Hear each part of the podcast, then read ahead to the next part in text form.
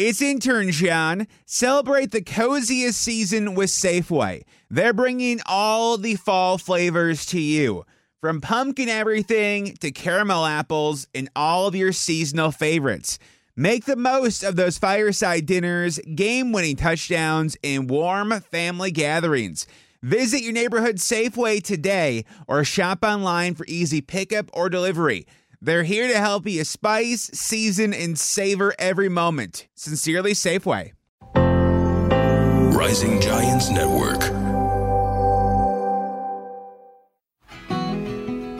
يا أهلا وسهلا بكم بحلقة جديدة في لحظة مع ميس واليوم الحلقة جدا مؤثرة لأنه الموضوع عن التحرش وأنت بالذات لما نقول أنت لأنه الموضوع عن بنوتة صارت بموقف اللي بسوء الحظ صار لها تحرش جسدي ولفظي.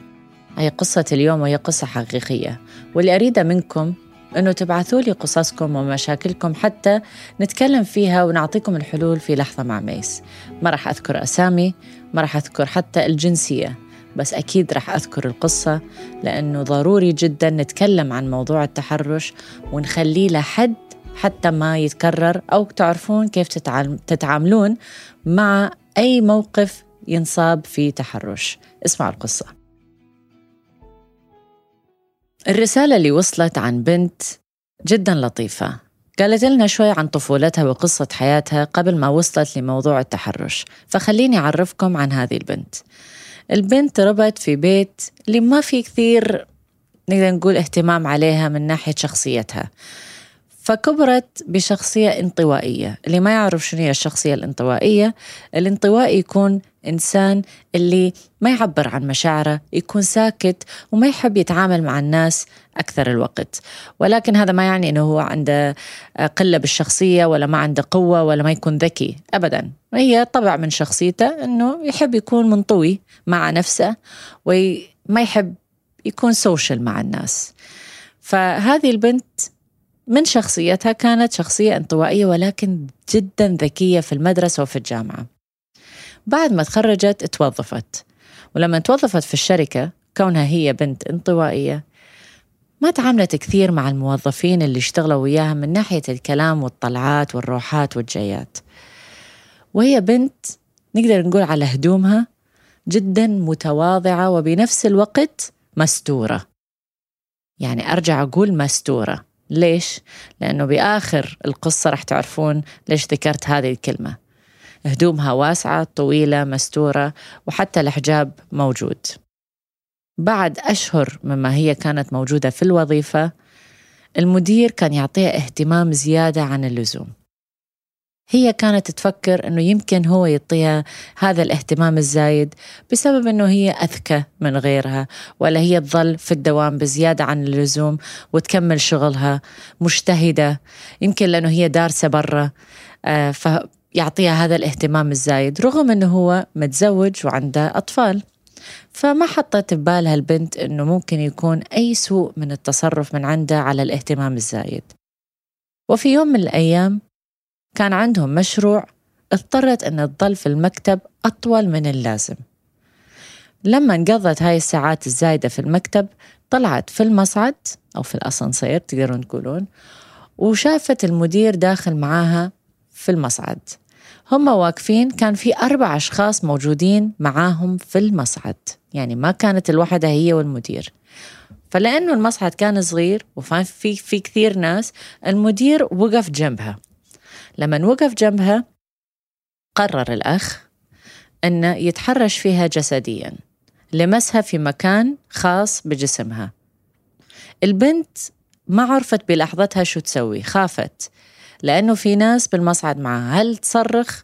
هل آه، يمكن معقولة بالغلط؟ لأن المصعد صغير وفي كثير ناس.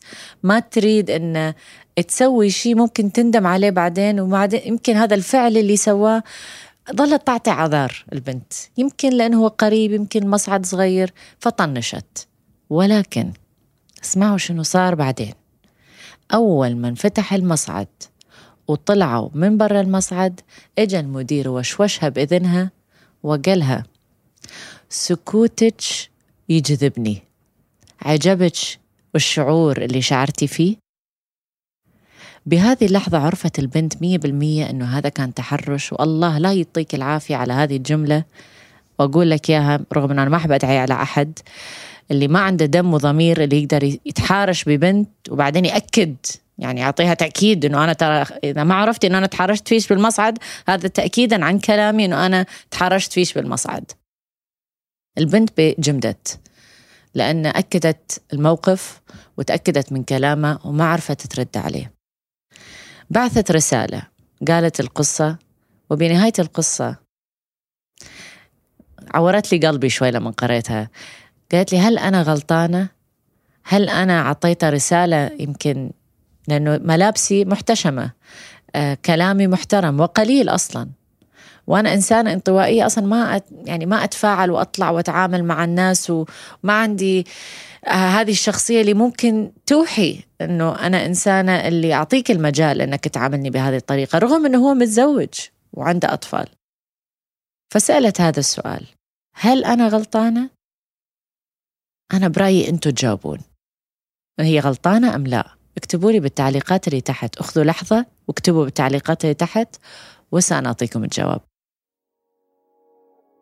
أتمنى كتبتوا بالتعليقات اللي تحت شنو رأيكم بالموضوع. جوابا على سؤالك يا بنتي أكيد أنت مو غلطانة.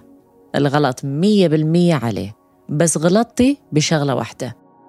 غلطتي إنك ما نطقتي وما تكلمتي. هي بعد ذكرت برسالتها أنه هي ما زالت موظفة في نفس الشركة ومع نفس المدير لأنه مو عارفة إذا هي لازم تطلع من الشركة ولا تستمر. وبعد ما بعثت هذه الرسالة صار لها مدى طويل آه، من ما صار التحرش وما تكرر جسديا ولكن لفظيا مستمر معها. لأنه متونس الأخ على الموضوع. شاف أنه ما اشتكت عليه شاف أنه الموضوع عادي. فحابب شخصيتها الانطوائية وقال أنه خليني أستمر. الغلط الوحيد اللي سويتيه لا بثيابك لا بشخصيتك ولا بحضورك أو وجودك بالشركة. الغلط الوحيد هو أنه ما تكلمتي ونطقتي أي بنت دا تسمع هذا البودكاست وتشوف هذا الفيديو أرجوكي انطقي. لا تخافون من بني آدم. أرجع أقول بني آدم ما يفرق هو عن غيره. هو إنسان مثله مثل غيره. منصبه ما يخليه أقوى منك ولا أحسن منك. كونه رجل ما معناته أنه هو أقوى منك. إذا هو أقوى منك بالعضل ما معناته هو أقوى منك من ناحية آه، إذا نطقتي وتكلمتي. إحنا في زمن حقوق المرأة موجود. حتى لو طلعتي من هذه الشركة يعني لو نطقتي وتكلمتي ورحتي واشتكيتي وطلعوش انت من الشركة اطلعي. اطلعي لأن هالمكان اللي أنت موجودة فيه ما المفروض تكونين فيه أساسا؟ لأنه مكان سام. إذا في شركة مديرها متحرش معناته أنت لازم تطلعي من هذه الشركة. وكل البنات اللي موجودين في هذه الشركة يطلعون وياك. بس إذا أنت ما هزيتيها للشركة وما تكلمتي وما نطقتي وقلتي هذا الإنسان تحرش بيا ما راح نوصل لأي نتيجة اليوم في حقوق المرأة. ولعلمكم ترى التحرش للمرأة والرجل لأنه إحنا في زمن صاروا نساء يتحرشون في الرجال. فحتى لو الرجل ده يسمع هذا البودكاست لك الحق. لك الحق تشتكي مية بالمية إذا المرة إذا المرأة تحرشت بيك. فأنا ما أريد أعطي إنه أنا بس مع النساء فقط وليس مع الرجال أنا مع الشخص اللي صاب له التحرش. وضد المتحرش. أرجوكم أخذوا لحظة فكروا بالموضوع. إذا شفتوا في ناس حواليكم تحرشوا بيهم الآخرين وخايفين ينطقون لأنه شخصيتهم فيهم خوف انطوائي آه يخاف من الأهل من البيئة العادات والتقاليد. انطق بالنيابة عنه. يعني أنا لو عرفت أنت في أي شركة شخصيا كنت جيت للشركة اليوم ولعملت الفضيحة في قلاقل مع حضرة جناب المدير عشان أشوف إدارة الشركة كيف. السكوت أكبر جريمة.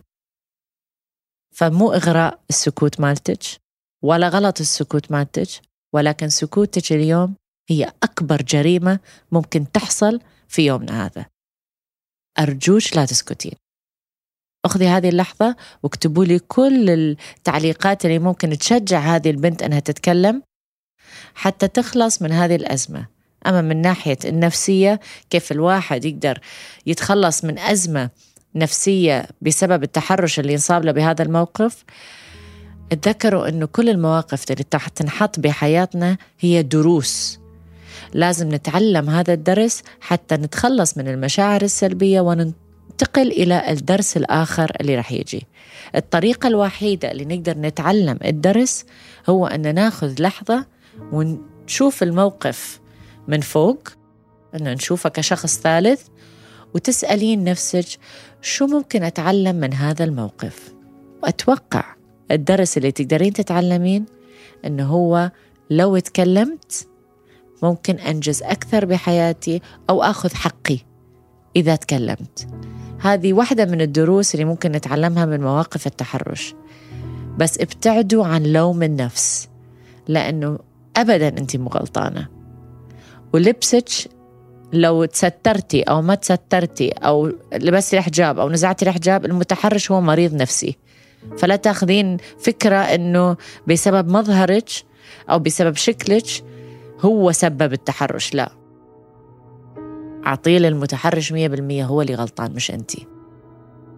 هذه كانت قصة اليوم وهي قصة حقيقية. أتمنى من كل شخص دا يتفرج أو دا يسمع بودكاست لحظة مع ميس يبعث رسالة خاصة.